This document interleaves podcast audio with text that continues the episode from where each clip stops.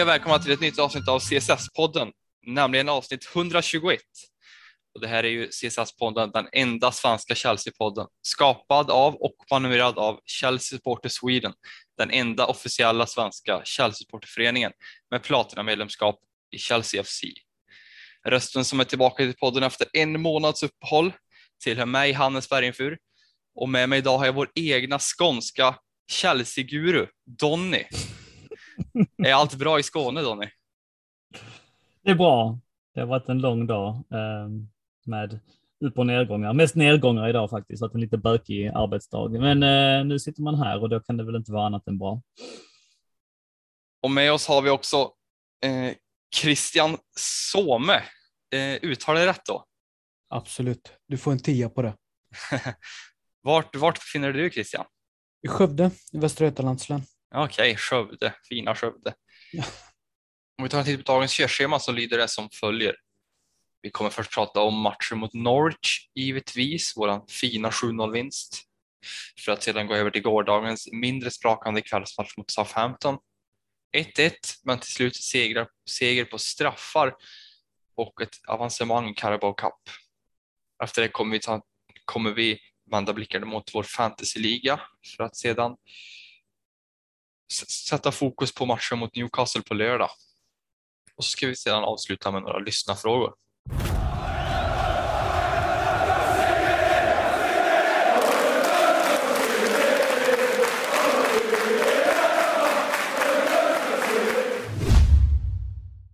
Vi slog som ni vet Norwich med 7-0 i helgen, men innan matchen så hyllades en, en riktig klubblegendar och klubbikon, men som verkade före min tid, Matthew Harding. Och jag ska ärligt säga här att jag har ingen större koll, mer att jag känner till namnet givetvis, eh, vad han gjorde för klubben. Så jag tänkte att eh, en lite mer rutinerad räv, Donny, skulle få förklara för mig och, och kanske de andra eh, unga lyssnarna eller yngre lyssnarna vad, vem det, Matthew Harding var eh, och varför han hyllades innan matchen.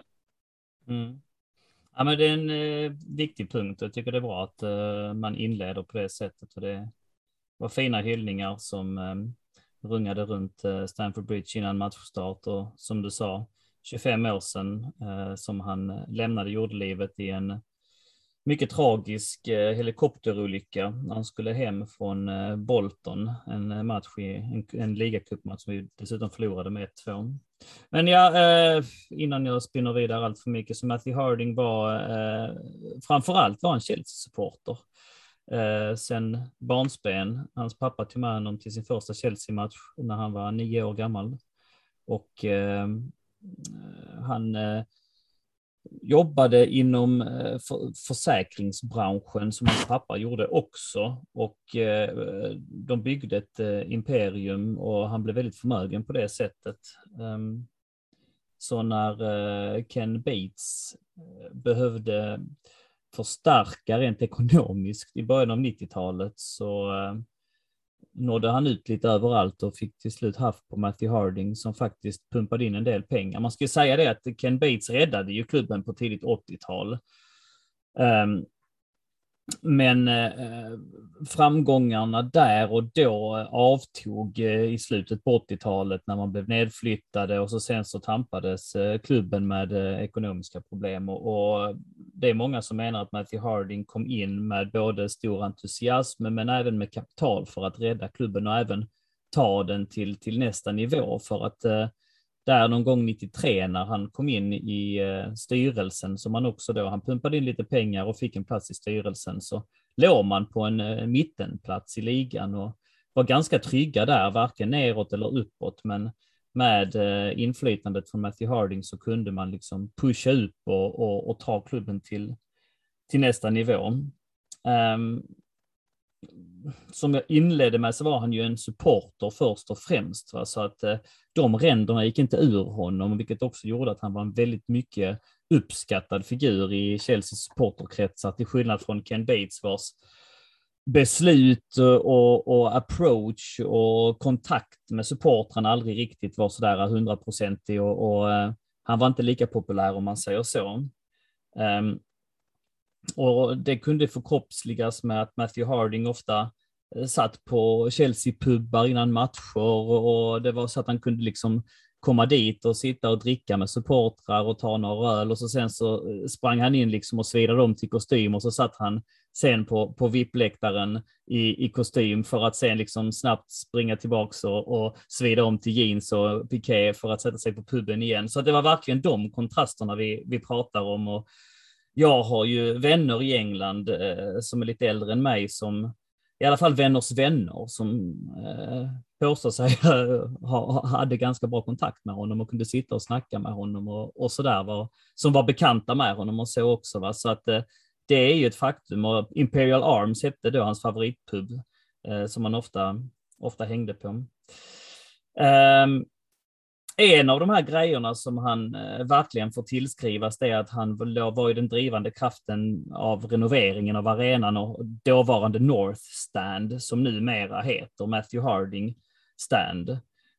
Um, och som jag sa, han betraktas fortfarande som katalysatorn som, som ändå tog Chelsea till nästa nivå, där mitten av 90-talet så han hade en tydlig ambition och, och drev liksom någonstans supportrarnas röst i styrelserummet, vilket var väldigt befriande. Och jag ska också säga att eh, allt detta eh, som jag kan, det kan jag lite utifrån eget huvud, lite för att jag har läst på, men jag var inte med på den här tiden heller. Jag blev supporter 98 och det var ju två år efter han dog. Va? Så att, men men jag, jag kollade ju på engelsk fotboll tidigare, även om jag var liten, och jag vet om att det snackade, det var en stor grej när han gick bort. Va? Den här helikopterkraschen. Det var inte bara han kan vi nämna, det var fyra andra också, bland annat en journalist. My mycket tragiskt alltså. Eh, men eh, angående att ta klubben till nästa nivå så eh, hade han ju också den nära kontakten och, och, hade ett charmigt sätt att kunna locka över spelare och även med vissa då finansiella medel som han själv pumpade in men, men även liksom, eh, i form av övertalning och lockelser och en tydlig ambition så kunde han ändå varva in spelare som Hughes, Vialli, Dan Petrescu, Di Matteo, Frank Leboeuf. Och det var där och då Chelsea började titta utanför liksom, den engelska ramen för spelare också. Och så då framförallt eh, flaggskeppet eh, Rud Schullit som eh, i där i mitten av 90-talet var världens mest hypade spelare. Att han kom till Chelsea som Ehm, förvisso hade ambitioner, men som inte var liksom ett topplag på den tiden. Det, det, var smått förbluffande och det är någonting som jag både har sett på lite dokumentärer och läst om i efterhand att det var en stor stolthet för hela Chelsea, va? men eh, generellt, men Matthew Harding i synnerhet också. Han var väldigt delaktig i den, i den affären. Och det var en sån eh, liksom stjärnvarvning och, och en prestigevarvning som eh, eh, satt Chelsea på kartan i ett, på ett mycket större sätt, alltså ja, i ett mycket större spektrum om man säger så. Va? Så att eh, den grunden där någonstans som byggdes eh, och, och som sedermera tyvärr då efter Matthew Hardings eh, död så 97 vann man ju FA-cupen och eh, man värvade, fortsatte liksom att värva eh, Frank, Gianfranco Sola och, och eh, man, man byggde vidare på det helt enkelt. Och det är många som menar på att eh, Roman Abramovic kom och köpte klubben en, eh, ja, åtta år senare eller vad det blir. Och hade inte Matthew Harding lagt den grunden så hade han aldrig gjort det. Va? För att det, det då han tog, han tog upp dem nästan hela vägen upp, va? men den där sista knuffen saknades. Och idag pratas det eh, mycket eh, fortfarande om, om Matthew Harding i och omkring Stanford Bridge och som jag sa, arenan är uppkallad efter honom och det finns fortfarande många Matthew Harding-ramsor som ekar på, eh, på läktarna, Matthew Hardings Blue White Army och så vidare. 1996 eh, dog han, men hans eh, minne lever kvar och rättmätligen så hyllades han på, på årsdagen. Blev jag för långrandig eventuellt, men ja, det, jag tror att det ändå var värt jag, jag tror jag fick med de flesta bitarna också. Ja, men det är jättekul att få, att få den här informationen för att ja, jag är ju född 99 liksom, så mm. för mig mm. har det varit tiden under Abramovic liksom och jag har alltid förundrat lite grann över om man, hur sådana stjärnamn kunde komma redan innan vi hade de pengarna om man säger. Och det, mm. Mm. Så det får tacka Matthew Harding helt enkelt. Christian, ja. vad, vad hade du för, tar vi lite snabbt bara, vad hade du för bild av Harding? Eh, egentligen lika mycket som dig. Jag blev Chelsea-supporter 2005, där någonstans 2005-2006, så det var ju före min tid också. Och jag har ju varit på Matthew Harding stand, eh, så jag har ju sett och hört namnet, men jag har aldrig haft någon större baktanke till det hela. Eh, det var egentligen inte förrän idag som jag blev extremt mycket mer intresserad av Matthew Harding och vad han har åstadkommit för Chelsea som fotbollsklubb. Um, rent av det genuina supporterskapet han hade. Mm. Um, det för mig väger mer än allt annat. Liksom. Och, mm. Så jag satt ju och lyssnade på allting Donny sa nu med häpnadsväckande öron. Um, det, det, är för mig en fantastisk historia och jag önskar att han hade levt idag för att kunna se mm. de framgångar vi har. Han hade ju också en, en ehm, eh, det, det, var en illa bevarad hemlighet att han och Ken Bates inte drog överens där i styrelserummet, va? vilket också gjorde att eh, man fick känslan av att han, han ville liksom genuint någonting gott med klubben medan Ken Bates eh, ville mer göra.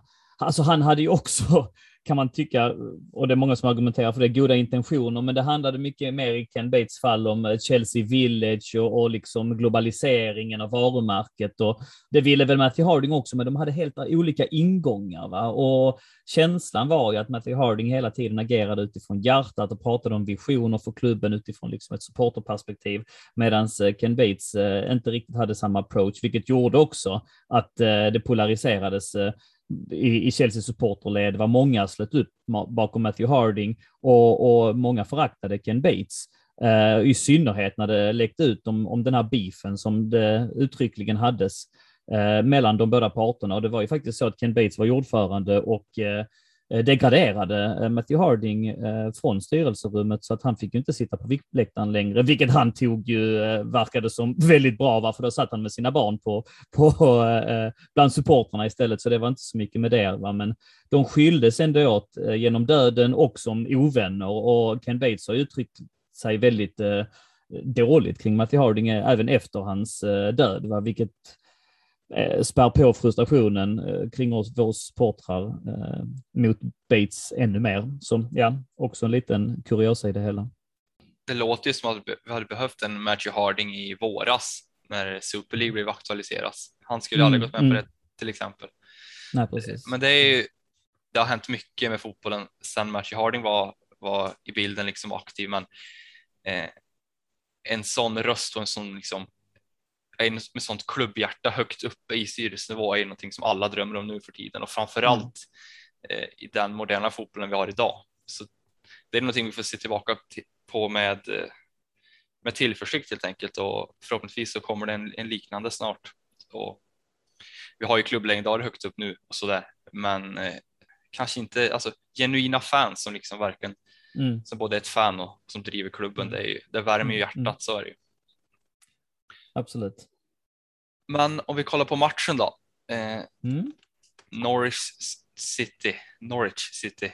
Eh, 7-0 och Cobham strikes big.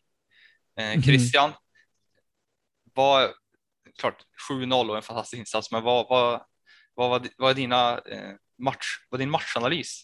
Varför blev det 7-0? Först och främst så tror jag att... Eh, jag kollar ju på BT Sports och där var det lika, jag, de, jag hade samma uppfattning som de hade. Varför Norwich City som har eh, så usla poäng i Premier League och har haft så dåligt går in och försöker spela man-man mot Chelsea med de spelarna de har.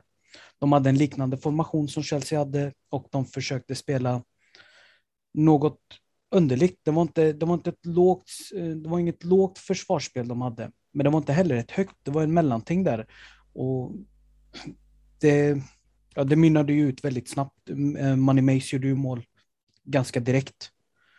Ehm, sen fanns det egentligen inte så mycket att analysera. Ehm, även efter det röda kortet så försökte Norwich av någon anledning fortsätta spela på det sättet som de hade inlett matchen. De försökte hålla sig kvar vid den vid den eh, eh, ideologin de hade inför matchen. Eh, jag menar, 18 skott på mål, eh, 18 skott, 13 på mål, 7 i mål. Eh, det säger lite om hur Norwich försökte anpassa sitt Chelsea. Men eh, nu ska vi inte se på detta från Norwich-ögon, utan vi vill ju se detta från våra ögon då, som Chelsea-supportrar. Och jag kan bara säga att vilken underbar, vilken underbar dag.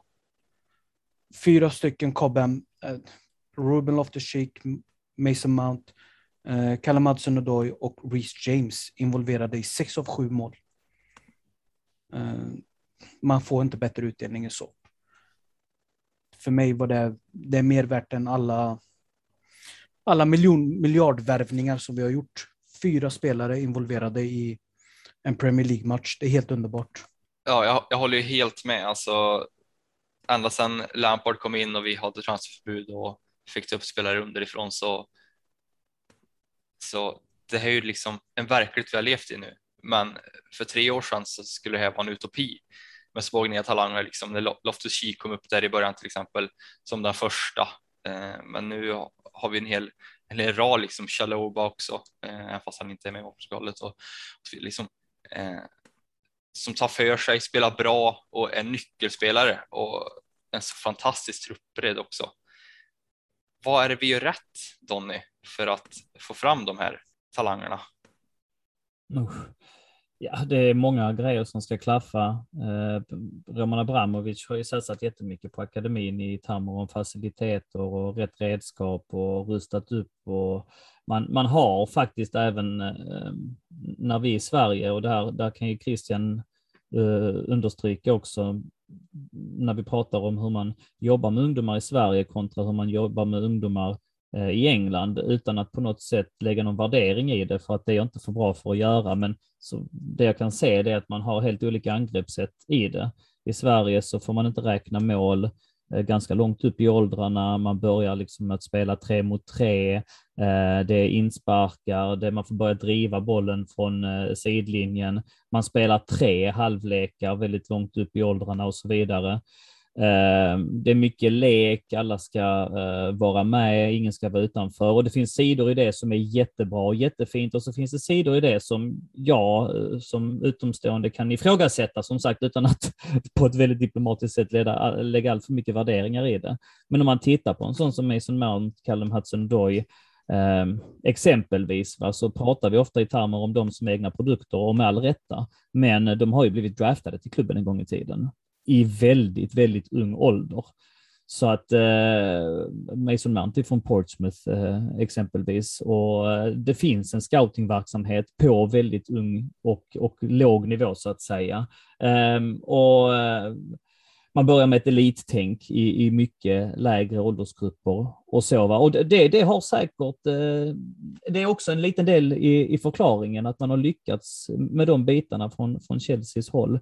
Sen så får man inte glömma Frank Lampards inverkan i detta och, och transferbannen väl när det har när det har liksom eh, polerats och tränats och getts rätt redskap och i vissa fall lånats ut så eh, gjorde ju Lampard och transferbanden där 2019 något gott åt klubben. Lampard satt väldigt stor tillit till de här spelarna, lyckades utveckla dem, många av dem en nivå till. Vissa kan man argumentera för fick lite för många chanser och, och mot då att klubben kanske hamnade fyra, man kanske hade hamnat på en bättre position om Lampard inte hade gjort det. Å andra sidan så, jag menar den, de frukterna som vi skördar nu, ja det är mycket eh, på grund av Lampard också och den tilliten som man gav spelare som Rhys James, Mason Mount, Callum Hudson och då i viss mån Tammy Abraham. Eh, där och då. Så att eh, kul att se. Sen med det sagt så jätteroligt att se att vi har så många Uh, unga egna produkter så att säga som levererade i matchen mot Norwich, men jag håller ändå med Thomas Tuchel när han säger att om nu Callum Hudson-Odoi eh, gör det bra mot Norwich kan han inte tro att han är självskriven. Något i den stilen sa han ju. Det är en sak att göra det bra mot Norwich, men det är en sak att göra det bra över tid. För det första. Och för det andra så var det ju rätt många i den matchen eh, som var bra. Jag tänker exempelvis på, på Chilwell som inte är en egen produkt men som är från, från England. Så att vi ser ju det här mönstret lite runt omkring i England överallt. Va? Att eh, den här generationen som kommer nu liksom 17 till 25-åringar är väldigt bra och det är många som gör sin röst hörd på många olika positioner på planen, vilket är, är jättekul. Så att eh, ja, det är väl där min analys ligger någonstans. Christian, fyll gärna i här. för Tycker du att jag pratar goja eller visst, visst, visst är det lite eh, så som jag beskriver? Och jag tänker alltså utifrån ditt perspektiv som är fullfjädrad tränare ut i fingerspetsarna. Du har nog, eh, eh nog, du har 110 procent rätt. Eh, en rolig kuriosa är att eh, jag hade distriktsträning med pojkar födda 05 för två veckor sedan. Och då hade vi just den diskussionen med när ska vi börja elitträna spelarna? När ska vi börja lära dem om anaerobisk träning? Någonting som fotbollsspelare använder och behöver var dag. När ska vi sluta upp med det här lek och lär? Vil vilken ålder är mm. lämpligt? Idag så ser vi mer på breddfotboll än vad vi gör på spetsfotboll. Mm. Därför att vi vill inkludera så många som möjligt. Inom mm. spets så är det inte eh, så många som... Det inte, det, I Sverige är det en procent av alla fotbollsspelare som faktiskt lyckas. Mm. Och med lyckas, då menar jag Alexander Isak, Zlatan Ibrahimovic, Albin Ekdal och så vidare. Mm. Det är alltså en procent av alla utövare vi har i Sverige. Men vart ligger vi i världskartan? Jämförelsevis med Holland, Italien, Belgien, England, Frankrike. Frankrike har ju till och med Claire Fontaine som de liksom mm. bara producerar konstant. Och Chelsea är ju Chelsea har ett väldigt bra läge i England. De är placerade i London, där Englands största eh, exporter kommer ifrån. Mm. Eh, så de har ju den turen samt att de faktiskt värvar, precis som du sa, i väldigt tidig ålder. Jag tror han, eh, Declan Rice var väl också från, han är mm. väl inte heller från London? Nej, jag, kan, jag, jag, kan ha fel. Uh, jag är lite osäker, men vi känner ju till den ålderskullen. Mm. Men kolla hur de behandlar våra spelare. Det är ingen konstighet. Vi har vad är det, 22 spelare ute på lån till exempel. Mm. Det är ju för att vi, vi har, kommer ihåg en gång i tiden så hade vi en, en jag vet inte ifall det bara var någon enstaka gång jag såg det på svenska fans eh, i våran Chelsea eh, där. Vi hade något som hette Lone Army. Mm, vi var mm. väl uppe i 37-38 spelare en gång i tiden. Mm. Ja. Och vi hade ja. miljardbelopp upp, ute på dem. Mm. Eh, det var ju de här Lucas Piazon och alla de här som vi hade. Så vi gör ju det rätt. Och det är inte konstigt att det slår ut idag. Sen är jag lite osäker på om Frank hade varit den tränaren som hade fått fram de här spelarna om han inte hade ett transferförbud. Nej. Precis, det har ju med det att göra också givetvis. Att han blir ju någonstans tvingad att, att, gå den vägen. Men sen får man ge honom all cred till att ah, ja. han gjorde det. Jag menar, det var ändå spelare under hans era som marginaliserades. Pedro och William i viss mån, som hade kunnat få chanser. Va? Men uh, ja, Batshuayi om inget annat som jag trodde skulle gå in och starta den säsongen. Ehm, men eh, ja, nej, så att det ena håller ju det andra i handen där. Ja. Nej, men du har helt rätt. Jag håller med dig till 110 procent.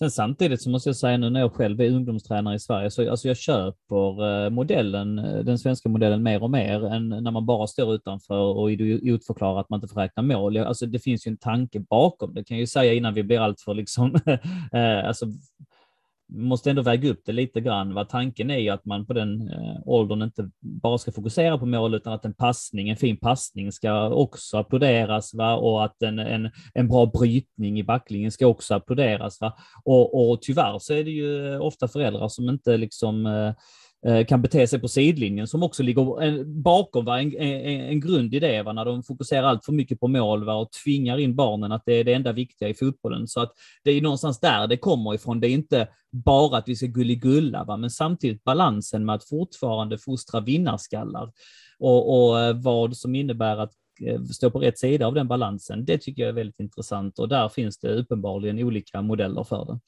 Jag är med dig, men till vilken ålder? Vet du, ja, vilken precis. Ålder, precis. vet du vilken ålder vi satsar på elitfotboll i Sverige idag?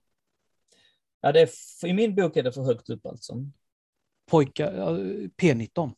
Mm, ja. Det är där elitsatsningen, det, det är där de har den, det tankesättet, det är där det gäller. Sen tolkas det väl lite olika på regionerna och, och ja. det finns ju klubbar som går ner lägre och så, va? men nej, det är klart. Det, mm. Det är en intressant diskussion om inget annat. Ja. Mhm. Lite bortom Chelsea, men vi Ja, kan ta ja. det en annan. ja, jag tänker att vi håller där. Ja. Vi är väldigt glada för 7-0. Ja. Ja, och det var väldigt kul att se att, alla, att det kom så många mål från, eh, som sagt, de egna leden och från, från engelsmännen. Eh, otroligt befriande. Vilken, vilken lördag det blev. Money Mays första hattrick. Men vi måste ändå se, se det här som riktigt fullpott va Donny? 7-0 och, och tre poäng. Ja, absolut. Eh, men eh, Norwich är också skitdåliga, så att eh, vi får inte glömma bort det. De kommer åka ut och de kommer hamna sist i ligan. Det vågar jag nästan slå fast. Och som Christian var inne på tidigare, det är en sak att liksom försöka göra sitt bästa av sitt spelarmaterial. Sen så är det en sak att spela mot liksom Champions League-vinnarna på bortaplan och ställa upp med liksom backlinjen uppe vid mittlinjen och eh, bjuda på så mycket ytor som han gjorde och ja, att det var man-man, det blir uppenbart nu när Christian sa det, men det var ingenting jag tänkte på, men jag tänkte att de blir överspelade i sin taktik gång på gång på gång. Så att eh, visst, en bra prestation av oss, uppfriskande att se att vi kan eh, spela eh, ett bra spel, eh, även när vi är något skadedrabbat. Jag tyckte att många spelare eh, gjorde väldigt bra prestationer och det var kul att se att eh, även om Kai Havertz inte gjorde något mål så tyckte jag att han eh, funkar där framme också va, som ett alternativ när både Lukaku och Werner är borta. Jag tycker Kovacic går från klarhet till klarhet och jag är jätteglad att se att eh, Ben Chilwell har tagit tillbaks platsen på vänster ytterflanken istället för Marcus Alonso. Och även en sån som Callum Hudson-Odoi som vi har liksom ifrågasatt. Och är han bra, är han inte bra, spelar han ur position, måtte han få några matcher i rad, varför tar han inte chansen? Och så vidare. Han hade ju också en kanonmatch så att eh, eh, mycket att glädjas åt. Det blev ju en fantastisk start på lördagen, men eh, får inte glömma bort att eh, Norwich är skit samtidigt. Ja, jag tycker att vi nöjer oss där med, med matchanalysen för lördagens match eh, och går vidare mot gårdagens drabbning.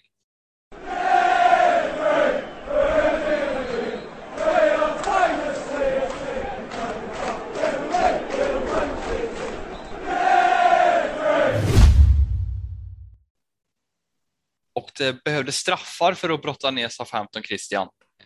Eh, vad tyckte du att de gjorde det bra eller var det vi som var svagare? Klart roterat lag, men ändå. Ja, vi spelade ju med ett eh, ganska reserv och reservbetonat. Det är ju inte... Vi har ju två elvamannatrupper som skulle göra det ganska bra i Premier League. Men jag tror att det blev lite annorlunda för Thomas Tuchel som tvingades göra lite sena förändringar. Eh, Han hade ju tänkt att starta med Aspilicueta, eh, Andreas Christensen och Ruben Loftus-Cheek som alla tre lämnade ganska sent återbud. Eh, Aspi hade väl någon axelskada. Ruben Loftus-Cheek hade väl, så som jag förstod det, någon höftsmärta. Och Andreas Christensen hade en tandoperation. Eh, inget allvarligt enligt Thomas. Eh, alla tre bör vara tillbaka till på lördag, så som jag förstod det. Men eh, detta medförde ju att han behövde göra en del förändringar. Eh, och ja, vi försöker ju spela vårt spel. Vi har ju ett väldigt tydligt spelsystem. Eh, men vi möter Southampton och de är lite mer fysiska, betydligt bättre än vad Norwich är. För de spelade på ett ungefär liknande man-man-försvar så som Norwich gjorde. Men de ställde sig ändå lite lägre, men och vågade pressa vid rätt tillfällen. Vi såg ju väldigt ofta när eh, att Alonso hamnade lite ur, eh, ur balans och Sarr gjorde mig nervös väldigt ofta. Eh, vårat pressspel var under all kritik den här matchen, tycker jag. Jag tycker att vi tillät Southampton att vara bättre än vad de egentligen är. Eh, vi gjorde det, vi vinner ju ändå eh, efter straffar. Eh, jag är ju inte längre nervös eh, om vi kommer till straffar och jag ser Kepa i mål. Eh, och det är ju liksom en grej jag skulle vilja höja också. Det är inte ofta som jag tycker att Kepa är matchens lirare. Men han har ju växt i mina ögon något så fruktansvärt sedan han blev andra målvakt. Eh, så det fanns några ljusglimtar, men det fanns lite mer negativt i min bok än vad jag skulle vilja se. Är avancemanget allt som räknas i den här match, eh, Donny? Ja, alltså ska inte låta för hård, men det är en eh, återigen en jävla skitturnering. Alltså, jag vill, det, är, det är inte många, det måste vi vara ärliga och det är den absolut minst viktiga av tävlingar som vi spelar. Det är bara fakta. Och eh, det har ju snarare handlat om att lyfta spelare, att ge spelare minuter, att eh, låta dem få chansen att visa vad de kan och så vidare. Och, Eh, utifrån den aspekten så är det väl avancemang som är det viktiga samtidigt som man som supporter gärna ser en sån som Hakim Ziyech kanske tar chansen eller Ross Barkley kanske tar chansen eller Saul kanske spelar upp sig eller eh, ja, vad den kan vara. Va? Att man, att man eh, får en chans att visa sig och visa vad man går för att man också tar den chansen. Och utifrån den aspekten så är jag inte nöjd. Det tyckte jag inte vi såg någon egentligen.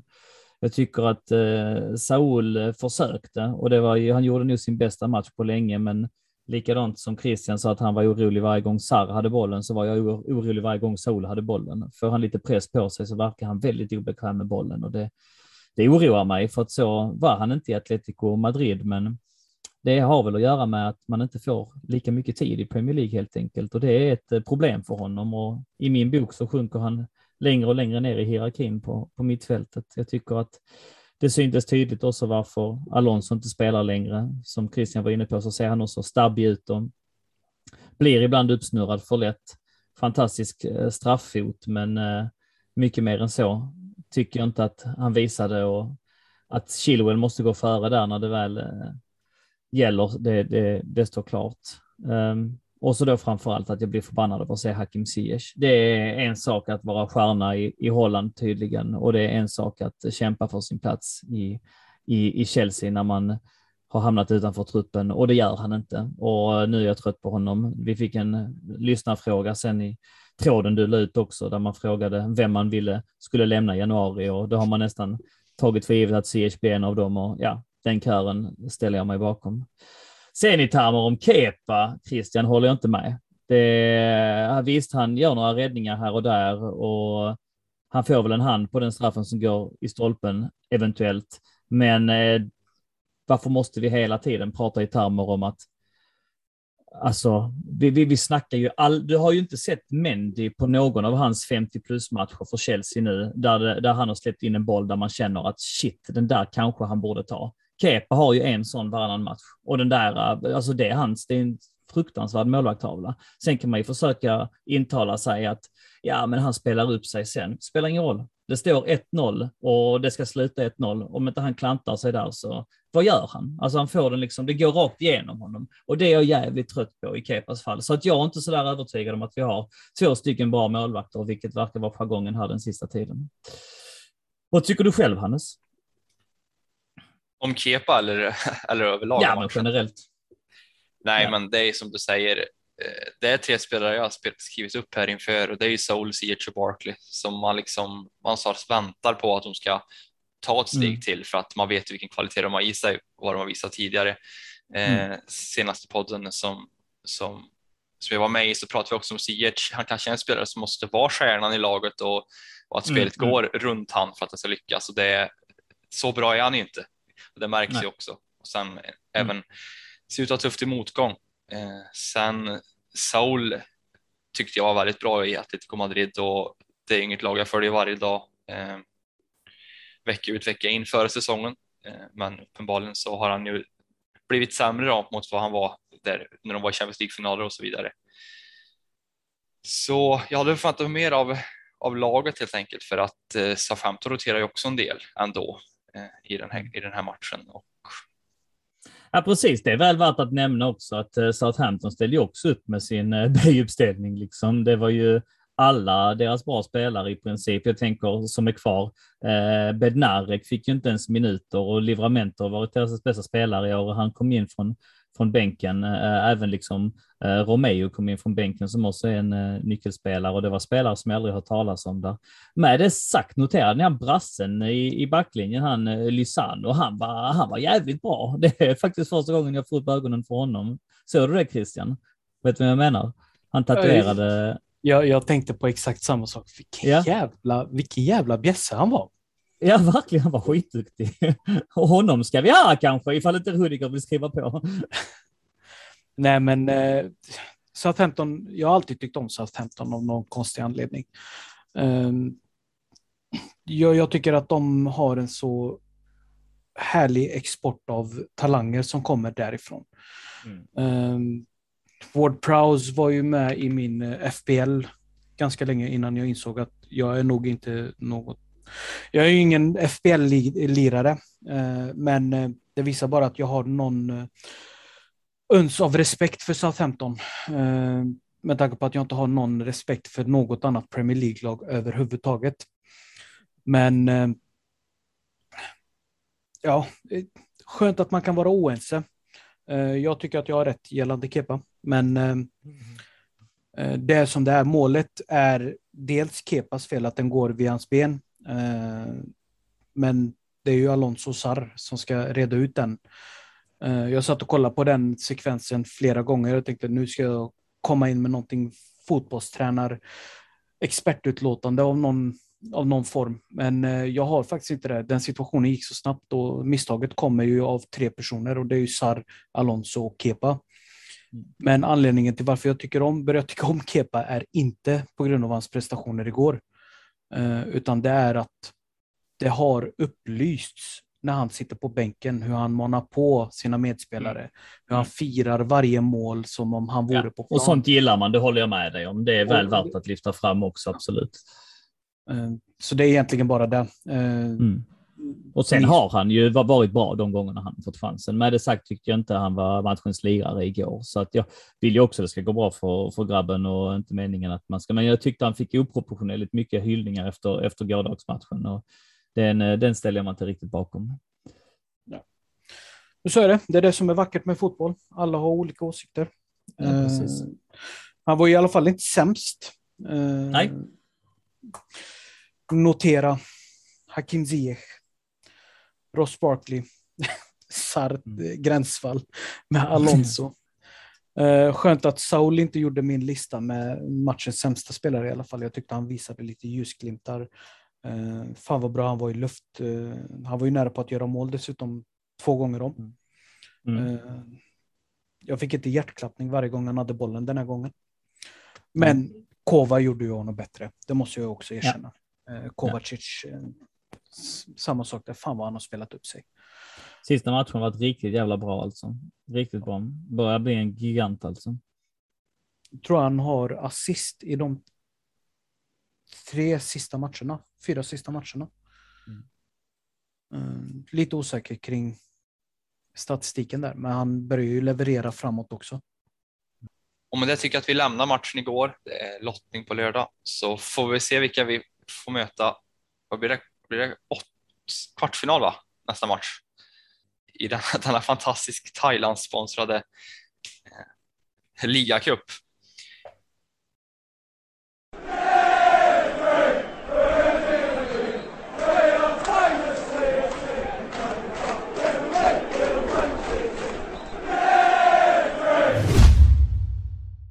Det var många poäng som delades ut den här, den här omgången av Fantasy Premier League.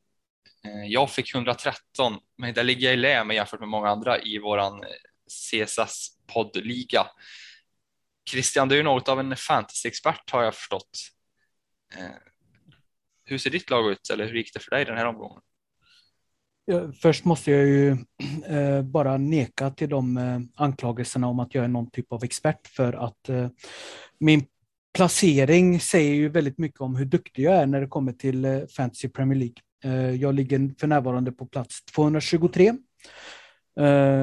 det är min första säsong någonsin och eh, jag trodde innerligt att jag skulle vara bättre än vad jag egentligen är. Men jag har ju en, jag är ju en av grundarna till Fantasy Premier League, CSS-poddens Fantasy Premier League. Kollar man absolut hela vägen upp på toppen där så har vi Robert Jonsson med Cobra Kaiverts. Han är ju den andra grundaren. Han är faktiskt eh, den första tanken bakom eh, Fantasy Premier League. Och med hans eh, resultat så förstår jag varför han leder för närvarande. Efter honom så har vi Tuchels gaseller eh, Christian Luisa. Eh, jag hade hoppats på att jag hade kunnat komma undan med att säga att det var jag, men eh, tyvärr så var den här Christian tvungen att skriva in ett efternamn. Eh, så jag kan inte komma undan med det. Sen på tredje plats har vi Ullareds Headhunters, Joakim Reinhardt. Uh, återigen, jag ska inte ljuga, jag, hade hoppat, jag hoppades innerligt när jag såg Ullared att det var Ola-Conny eller Morgan, uh, men det var det inte. Uh, för er som inte har följt Ullared så är det två väldigt speciella personer som jag håller kärt. Inför nästa omgång så har vi ju en hel del tips Eh, det första och absolut främsta tipset är att håll koll på vilka spelare jag inte använder. De, de, lär, de lär ju göra skyhöga poäng. Uh, nej men eh, Salah är ju en favorit för väldigt många och uh, han har ju verkligen levererat för så många. Uh, det, jag tror att alla har med honom i sitt lag och det är ju förståeligt. Har man inte det så går man ju miste om de poängen. Uh, en annan, ett annat tips som jag kan ge som uh, jag faktiskt läste mig till var uh, Cornet från Burnley. Som har börjat producera väldigt många mål. Utöver det, mitt absolut största tips är att håll utkik på vilka jag inte använder. Det, det är det absolut bästa jag kan komma med. Så du menar att vi ska ha Smith Rowe på plan då? Nej, jag använder honom, så ha inte honom. Ja, jag såg, jag såg att han satt, han satt på din bänk och fick 13 poäng. Ja, eh, det var just det. Jag flyttade honom till bänken och satte in Ödegard. Eh, och det var ju ett av mina största. Min bänk hade nog mer poäng än vad min, vad min startelva hade, bortsett från Salla. Eh, så använd det. Men Hannes, du och Donny är ju betydligt bättre än vad jag är. Hur, hur går det för er? Jo då, det går väl, det går väl skapligt fast jag fick en minus två på Pogba eh, och bara två poäng i min anfallare Ronaldo och Wardy. Så hade jag ju Salah, Mount och Smith Rowe samt Livramento och Riediger, så jag fick ju en del poäng där. Sen alltså, Salah som cap, man, det är så, de flesta har nu som kapten så det boostar ju siffrorna för typ alla, så man får nästan räkna på spelarna som inte eller liksom spelarna som inte Salah helt enkelt. För att, och han som cap just nu känns ju, känns ju, känns ju väldigt givet. Donny, hur, hur gick det för dig den här gången? Mm, nej, alltså jag har gett upp. Så att eh, det, det kommer en ny fantasy nästa år. Så alltså med tanke på att eh, jag till och med inte gjorde några ändringar inför förra omgången och både min vicekapten Bamford och min kapten Lukaku eh, var skadade så, så blev det inte många poäng. Och jag eh, ligger på en hederfylld 201 plats så att jag är väl snäppet över dig då Christian, men jag vet inte om det går mycket bättre, citat, slutcitat, med tanke på att vi är väl en vad är vi, en 300 i, i, i ligan eller någonting. Så undre halvan, halvan spökar även för mig, men eh, ja, nej, det här var inte riktigt min grej eh, känner jag och det, tar, det var jävligt kul när det gick bra, men eh, det, det, det tar rätt lång tid och så där, så att jag, jag har inte lagt ner riktigt den tiden och får nog eh, sikta mig in på en mittenplacering. Ja, det är samma här. Eh, jag mm. tyckte det var roligare att se alla andra, hur de tänker, hur de gör och hur de kommer fram till de ja.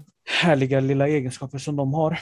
Men, eh, Men det... sjukt credit av, av, av eh, Robert Jonsson ändå som eh, du som sagt driver Fantasy Premier League-ligan med. Att gå in liksom och starta ett sånt initiativ och bara dominera. Ta ja, första platsen. Liksom.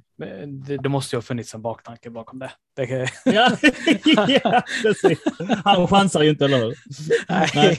Jag tyckte nu, att det nu... var fegt att ta Sala till exempel. Jag visste att han skulle vara skitbra men alltså jag gillar inte honom. Så det alltså man får ju ha lite match i det hela också. Så att uh, hon, jag är en av få som inte har honom valde att köra på Banford där. Liksom. Ja, ja nej, men jag, jag, jag, har ett anseende att tänka på som en av grundarna, så eh, Nej, men eh, jag satsar på nästa säsong. Jag håller på att lära mig nu hur allting funkar med alla triple ja. captains och så vidare. Ja, precis. Det är mycket sånt också som jag inte riktigt har kommit in i. Så att, ja. Du får av båda delarna här. Ja. Mm. Ja, jag körde ju länge på att det inte skulle ha någon Liverpool Arsenal eller United-spelare i laget, men det har jag släppt mm. nu. Det var länge, ja. länge så att, eh, att Arsenal var förbjudet, men Smith Rowe slank in för någon vecka sedan. Så nu är jag väl, mm. Säger man, en, ett plastfan i fantasyväg kanske. Jag vet inte. ja. ja, ja, vi tycker vi. Eh, jag har inga speciella tips eh, för att jag vill inte att ni går förbi mig i, i ligan, så jag tycker vi hoppar vidare från från fantasyn där. Men eh, skickar hyllningar till, till Robert som går så bra och han får gärna kommentera sen i podcastavsnittet vilka vi ska ta ut ifrån nästa vecka så vi kan kopiera det. För jag har mitt wildcard kvar tror jag. Eh, ja. Men då kollar vi till Saudiarabien då. Just det. ja.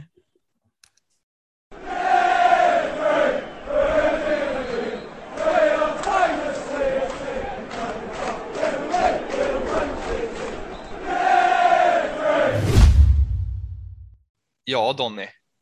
Hur, mm. vad, vi kan börja där. Vad händer med Newcastle? Mm, vad händer med Newcastle? Efter många om och men så uh, blev det ju då en försäljning efter att Ashley hade gått ut med det en, två, tre, fyra, fem, sex gånger och det inte hände någonting så så eh, satts penna till papper och vi har ett nytt styre i Newcastle, en ny ägarkonstellation eh, backad av den saudiarabiska regimen. Det är ju alltså eh, PIF, eh, som är egentligen en, en, en oljefond, men som eh, drivs eh, av eh, prins Salman som är alltså kronprins av Saudiarabien. Och och, eh, eh, så, så att, att, det finns liksom en, en röd tråd mellan, mellan själva landet, själva diktaturen som det är och eh, fonden eh, är ju klart och tydligt och de är ju majoritetsägare. Sen så finns det väl två mindre ägare också, så det är ju en ägarkonstellation där då bland annat eh, hon Amanda Stavley som man även då, om jag förstått det rätt, har satt som styrelseordförande i Newcastle då som kommer agera lite grann som ansiktet utåt, då är involverade i.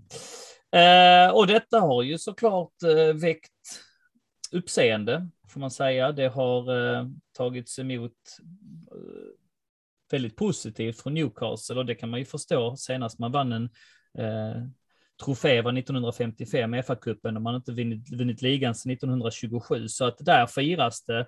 Och vi Chelsea-fans ska väl vara lite försiktiga innan vi börjar kasta igelkott i gummibåt. Men med det sagt så kan man ju inte bortse från att situationerna tycker jag ändå är annorlunda. Och nu vet jag om att, att man eh, det blir känsligt när man yttrar sig så va? och det, det slängs gärna i ansiktet på en att de är Roman och, och, och, och sådär.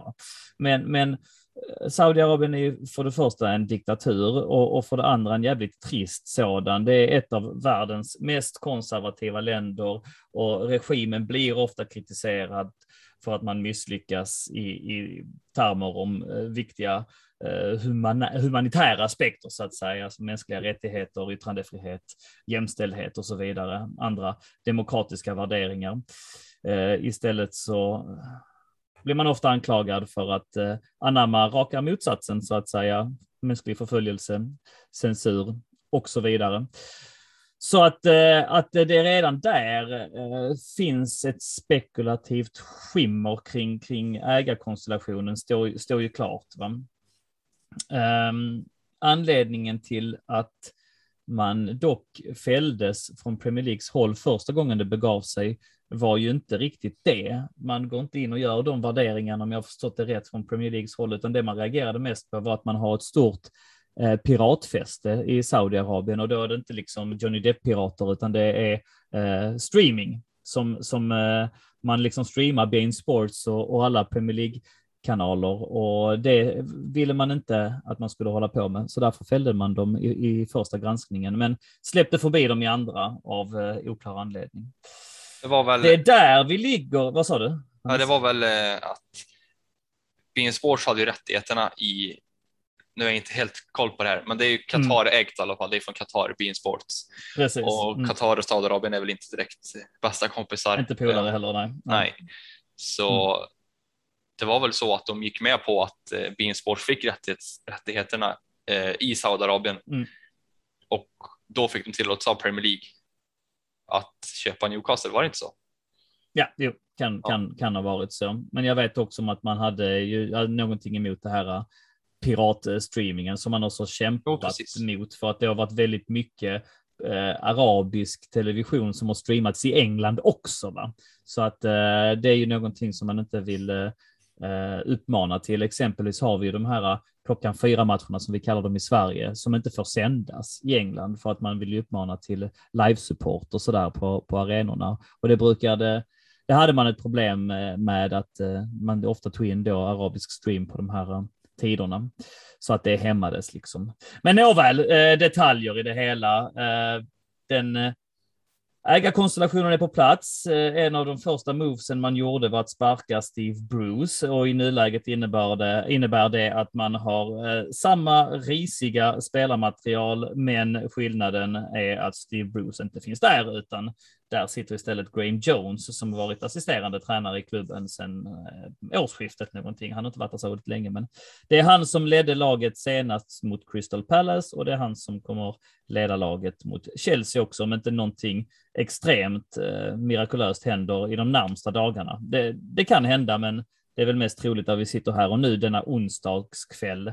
ehm, att, att, det är, att det är han som leder ut laget i alla fall.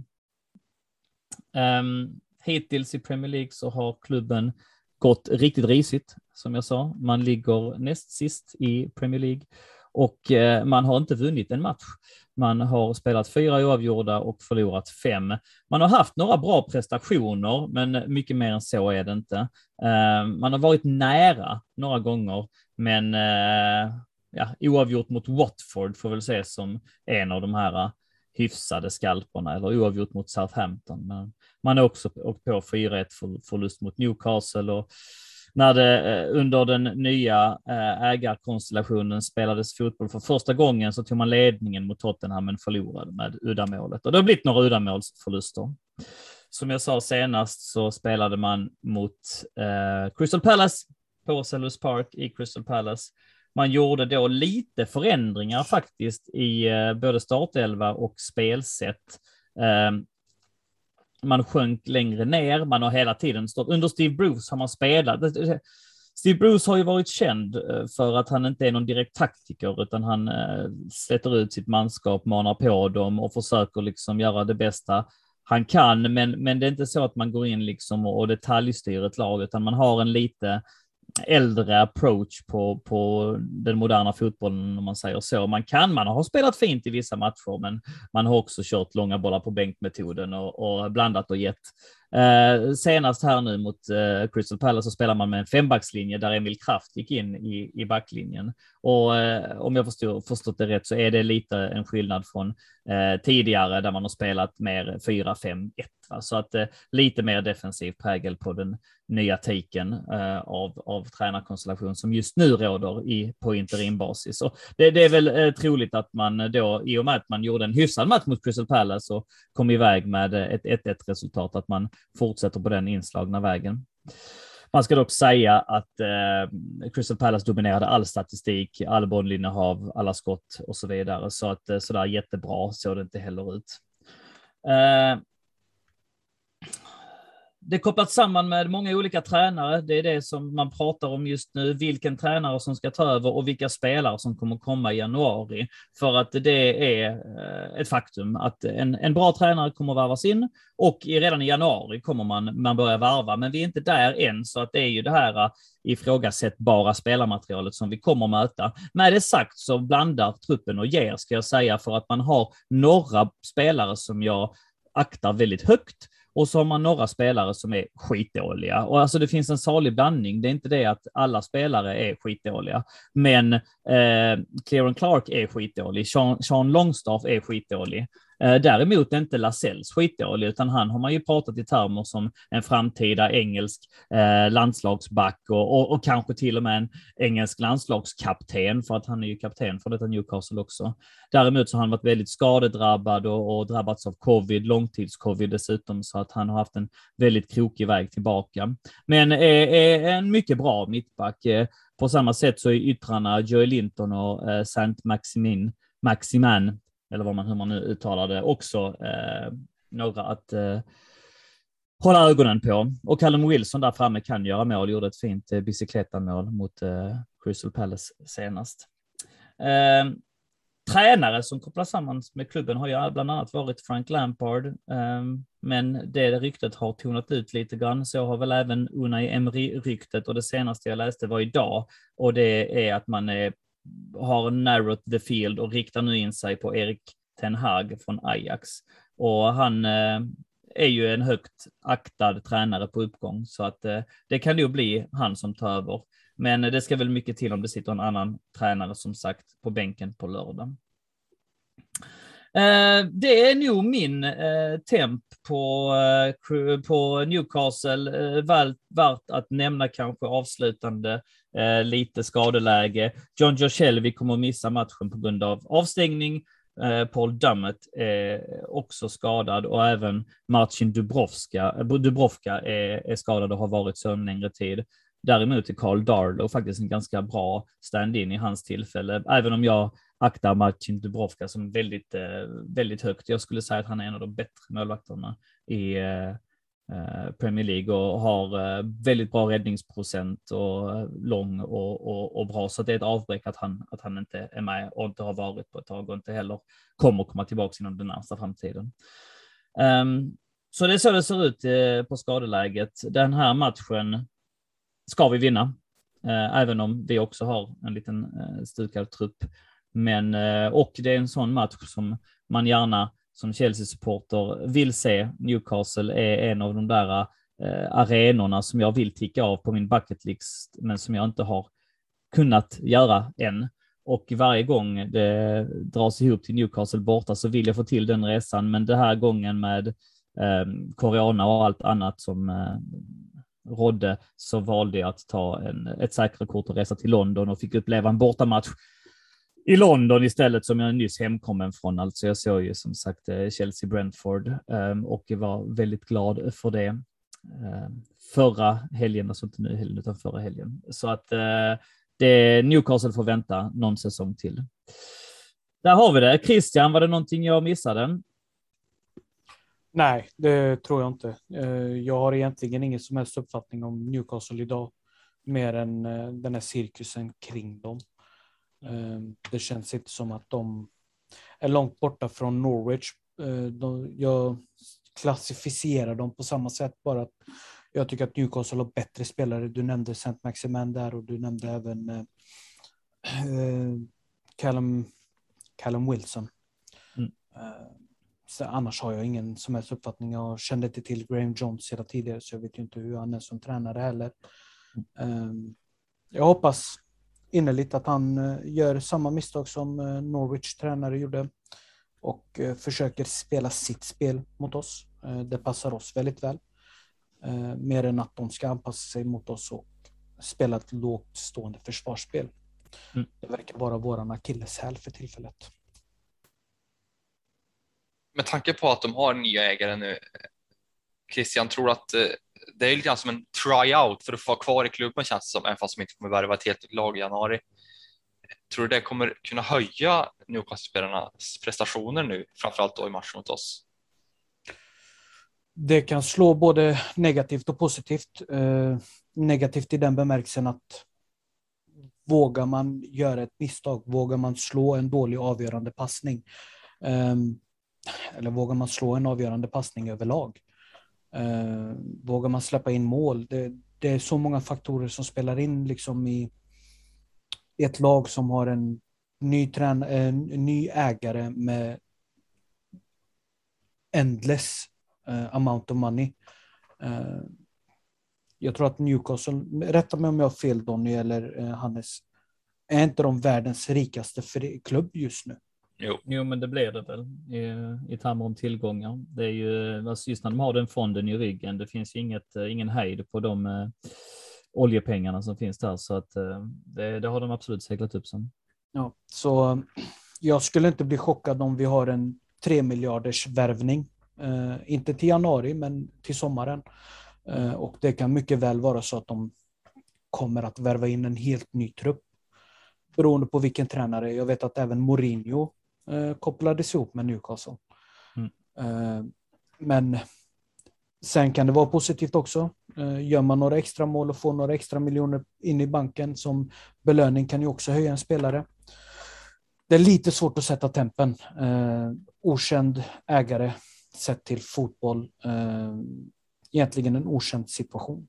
Eh, jag tror inte vi jag tror inte vi har skådat något liknande sedan Abramovic. Eh, PSG och City-shejkarna, de var ju ändå involverade inom fotboll sedan tidigare. Det var väl bara Abramovic som inte var det. Eh, så mycket mer än så. eh, Det är bara spekulationer oavsett hur vi vrider och vänder på det. Christian, hur slutar matchen? 3-0. 3-0. Vad, vad baserar du det på? Magkänsla och hopp. Målskyttar då, vilka tror du?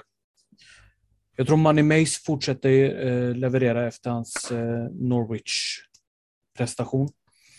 Eh, jag tror att Chilwell kommer göra mål. Sen så hoppas jag att Kai Havertz gör mål. Räknas Chilwells straff igår som mål? För i så fall har han gjort mål i fem raka Chelsea-matcher va? Dessvärre så gör det i inte så det. fall. Nej, jag vet att det inte gör det, men vi kan väl säga att det gör det. Ja, För ja, det. Ja. Jävla bra straff. det var det. Mm. Efter att han drog den förra i ribban. Donner är också på samma spår, en, en komfortabel vinst. Ja, jag riggar eh, Christians där. Ja, och det är jag också. Så med det tycker jag vi lämnar Newcastle därhän och hoppas att våra profetier blir sanna. Eh, och kollar till våra lyssnarfrågor.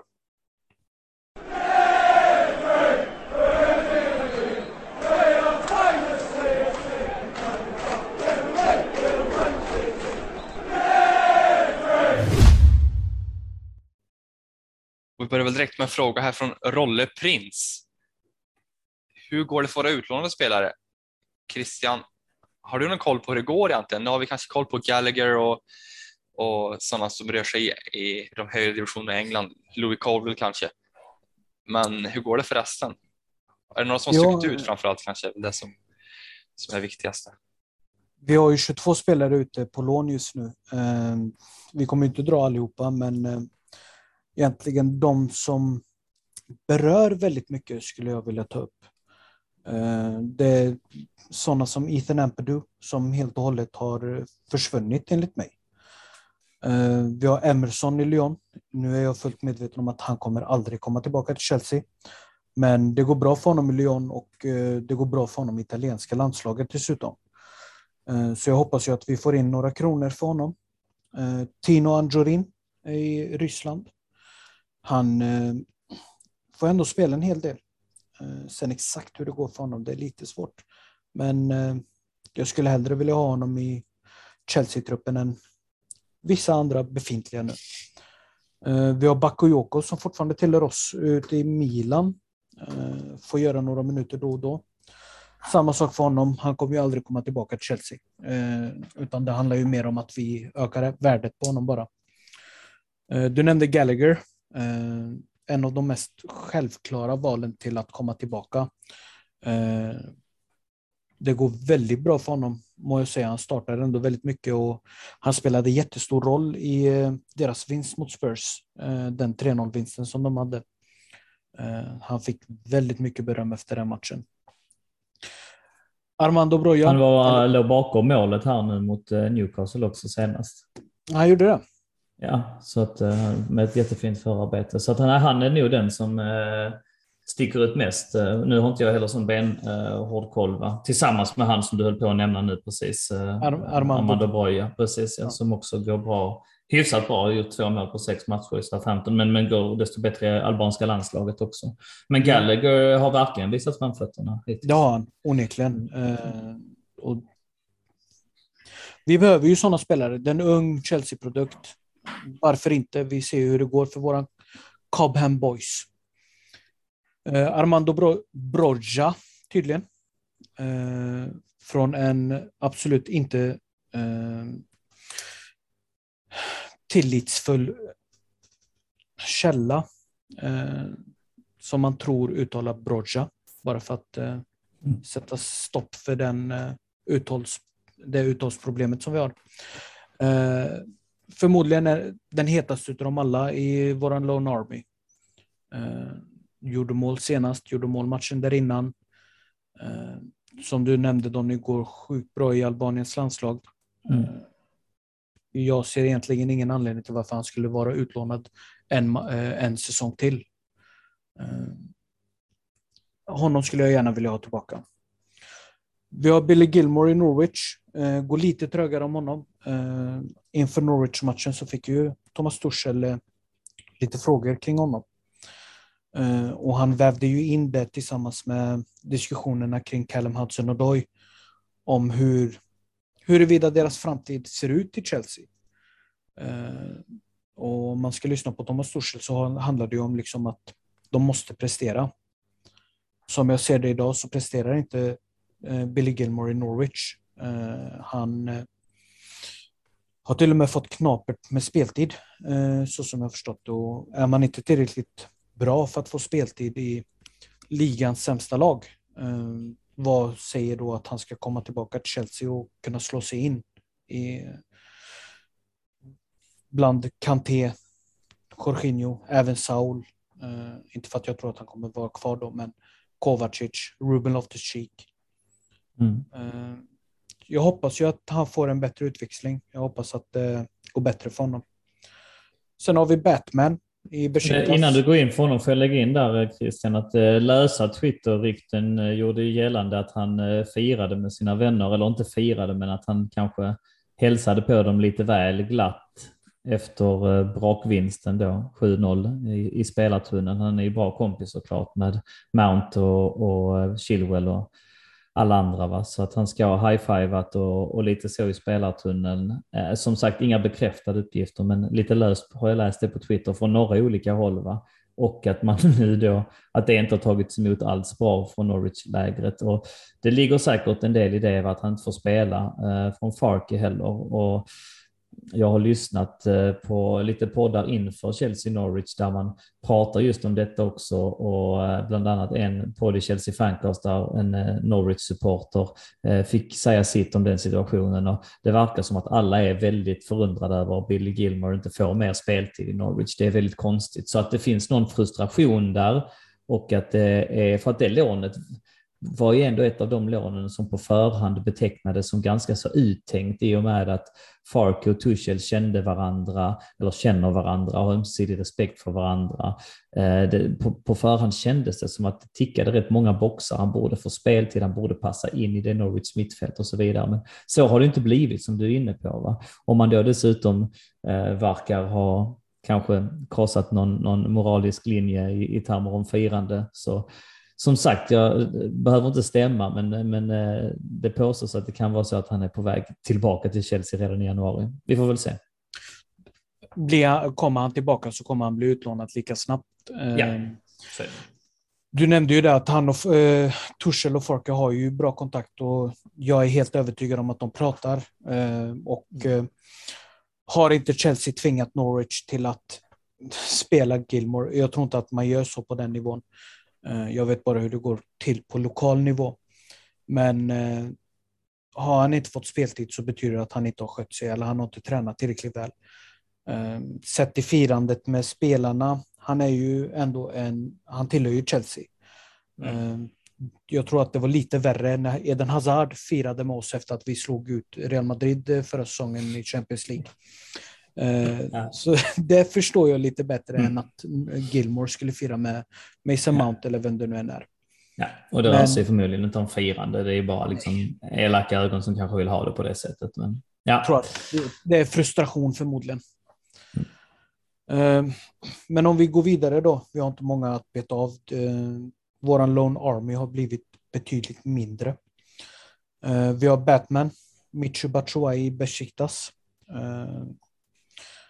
utifrån mina turkiska eh, källor så går det inte så bra för honom. Eh, han är inte jätteomtyckt. Eh, sen kan det vara på personlig nivå, det vet jag inte. Jag har inte så bra koll på honom. Och så har vi Kennedy Flamengo, eh, som jag faktiskt inte visste tillhörde oss fortfarande.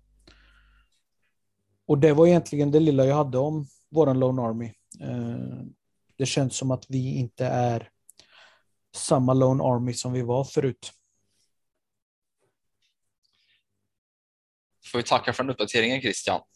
Eh, och vi går vidare i lyssnarfrågorna här, tänker jag.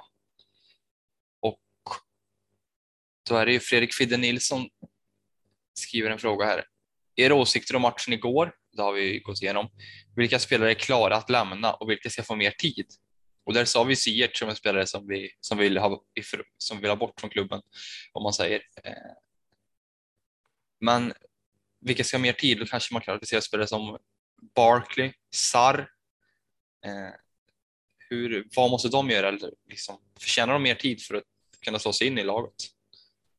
Tycker ni? Donny kan ta den. Alltså jag tror att deras roller är rätt så utstakade. Det är ju, det är ju intressant. Eh, alla spelare kommer ju till klubben och är i klubben under vissa förutsättningar. Tittar man på en sån som eh, Kepa som vi brukar eh, landa i så är ju dynamiken där intressant om man förhåller sig till hans höga prislapp som han kom till. Det var en prestigevärvning eh, och det kanske är lite den ryska kulturen i, i styrelserummet som också inte vill tappa huvudet, för det verkar vara väldigt viktigt för dem. Va? Att man, när man då var på jakt efter en målvakt, så man var väldigt måna om att kabla ut att det handlade inte om en ersättare, utan det handlade om att man skulle öka konkurrensen och så vidare. Ehm, och, och, och, så fungerar det ju ofta i eh, klubbar att om man har spenderat mycket pengar på en spelare så tenderar man ju att ge dem fler försök just på grund av de här anledningarna, att politiken bakom det blir en väldigt tungt vägande faktor. På samma sätt så är det ju inte lika viktigt att ge Ross Barkley massa chanser längre för att han anses av samma anledning, av politiken bakom, så anser han, han anses ju vara förbrukad och, och eh, Malasang kom ju på en fri transfer så att det är samma sak där. Man har inte riktigt eh, de politiska krafterna i ryggen att, eh, att man behöver spela in dem så att det inte är så att de behöver få fler chanser utan de har sin trygga roll som truppspelare just nu och eh, måste liksom till eh, att ta chanserna när de ges, exempelvis i ligacupen för att kunna ändra på den positionen och man kommer kanske inte ha samma tryck från ledningshåll. Jag säger inte att liksom Abramovic eh, väljer ut laget, men att det finns ett visst tryck att skydda sina investeringar, det, det är jag fullständigt övertygad om att, det, att den politiken pågår. Eh, om man bara kollar på själva frågan i sig så Hakim Ziyech börjar jag bli trött på. Jag eh, är villig att ge en sån som Christian Pulisic fler chanser. Där tycker jag ändå det finns en bra spelare och där tycker jag det finns ett driv och en, en, en kämpaglöd och en vilja som jag tycker har helt runnit ur eh, Hakim Ziyech. Och eh, nu är Pulisic, han sa väl för ett litet tag sedan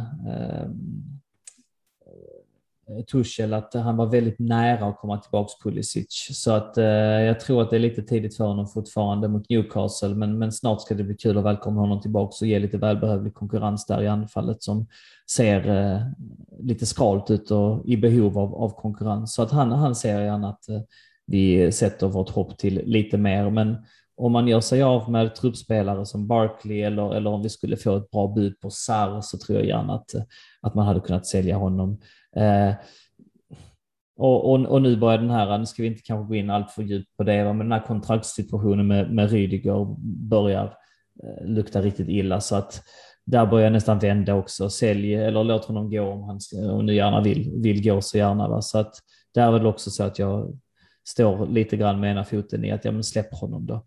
Vi, vi klarar oss utan. Det, det, det får gå liksom. Uh, men ja, det, jag håller där, det var mitt svar. Robert Jonsson frågar, eh, vad sägs om en gemensam träff någon gång i framtiden? Har det varit skoj att träffa alla likasinnade och se en match tillsammans på en pub? Förslagsvis i Stockholm, som enligt Robert ligger mitt i Sverige. Har detta mm. gjorts tidigare någon gång? Undrar han. Ja ja, det är klart det har. Det gjordes eh, för några år sedan när eh, Ron Harris och Peter Bonetti skeppades över från eh, England. Det har gjorts, det, det, det hålls lite träffar då och då. De är ett gäng, sök på Chelsea Stockholm på Facebook så har du grupp där, där de träffas inför i princip varje match om jag, om jag förstått det hela rätt och, och kollar lite matcher så att det kan man alltid göra. I termer om officiell träff så var det ju någonting som eh, lite dog ut under den förra ledningskonstellationen men som vi var väldigt måna om att ta tag i igen eh, under den nuvarande styrelsekonstellationen. Och eh, sen kom ju corona så att eh, vi fick ju till eh, en, en jättefin medlemsresa men eh, de planerna finns i allra högsta grad och det är någonting som vi som sagt vill eh, titta på att göra minst en gång om året, en officiell träff och kanske utveckla det segmentet lite grann också. Men med det sagt så finns det ju ingenting som hindrar folk från att träffas generellt och som sagt söka till de Facebookgrupperna som finns och, och anordna små liksom, lokala träffar. Det, det har gjorts förr och det görs fortfarande så att det är bara att haka på. I termer om nästa träff så är ju det nära till hands att den ska hållas i Malmö på tisdag och eh, där har jag skickat ut lite eh, förslag till några olika pubbar och än så länge så har det mötts av svalt intresse kan jag säga för att engelsmän har ganska så dåligt rykte och eh, jag minns förra gången vi var i eh, Malmö för två och ett halvt år sedan och, och, och kollade Europa League-matchen så var det också så att det var väldigt många pubar som sa att nej, vi vill inte ens ha er här. Va? Så att låt mig få återkomma på den. Eh, jag har även skickat iväg lite trådar till England för att se på de som ska komma över om de har bokat någon, någon direkt pub. Men jag är inte jätteförvånad ifall de inte har gjort det riktigt än, utan ja, kanske eh, om jag eh, bollar den med dem, liksom att vi kommer fram till något gemensamt. Men eh, då är det bara när det blir klart att, att välkomna folk som har biljett till Malmö och folk som inte har biljett att komma ner och, och eh, sluta upp med oss. Det som är lite störigt som jag märkte med Malmö-matchen först idag faktiskt, det är att det är den tidiga avsparken.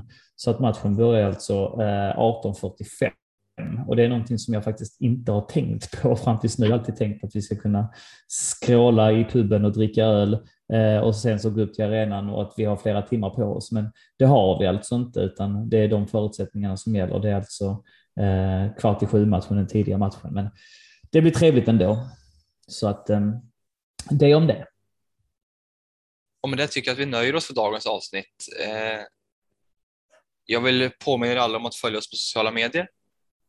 Eh, det är ju supportföreningen Chelsea Support Sweden som står bakom den här podden. Och man behöver inte vara medlem för att ta del av vårt ideella arbete. Men det finns en grej att stötta oss på och det är att följa oss på våra sociala medier.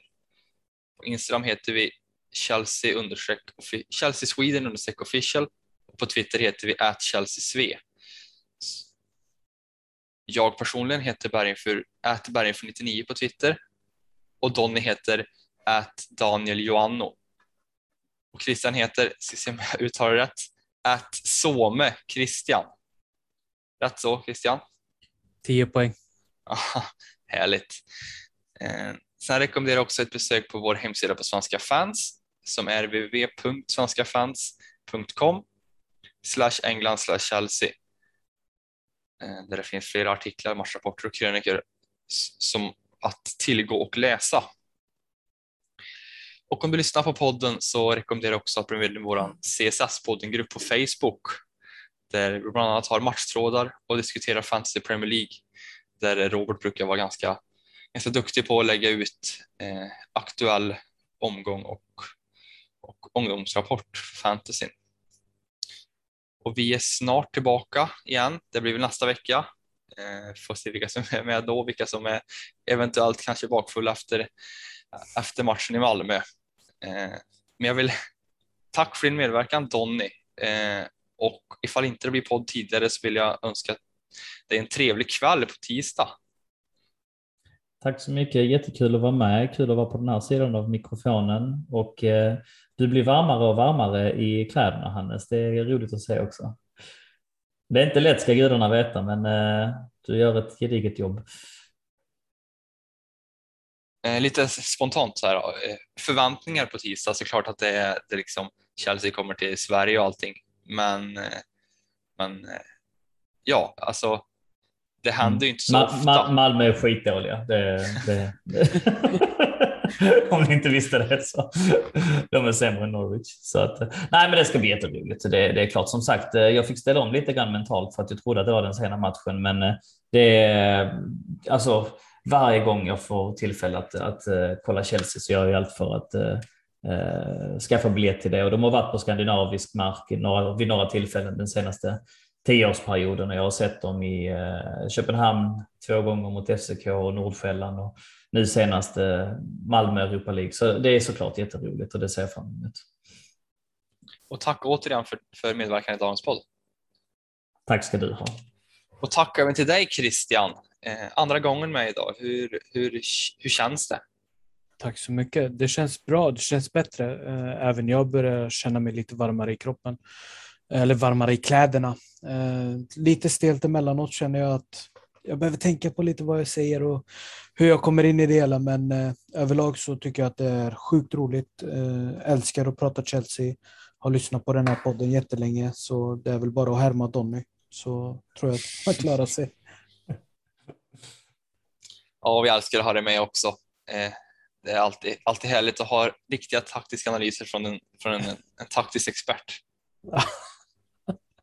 tack så mycket för de varma orden.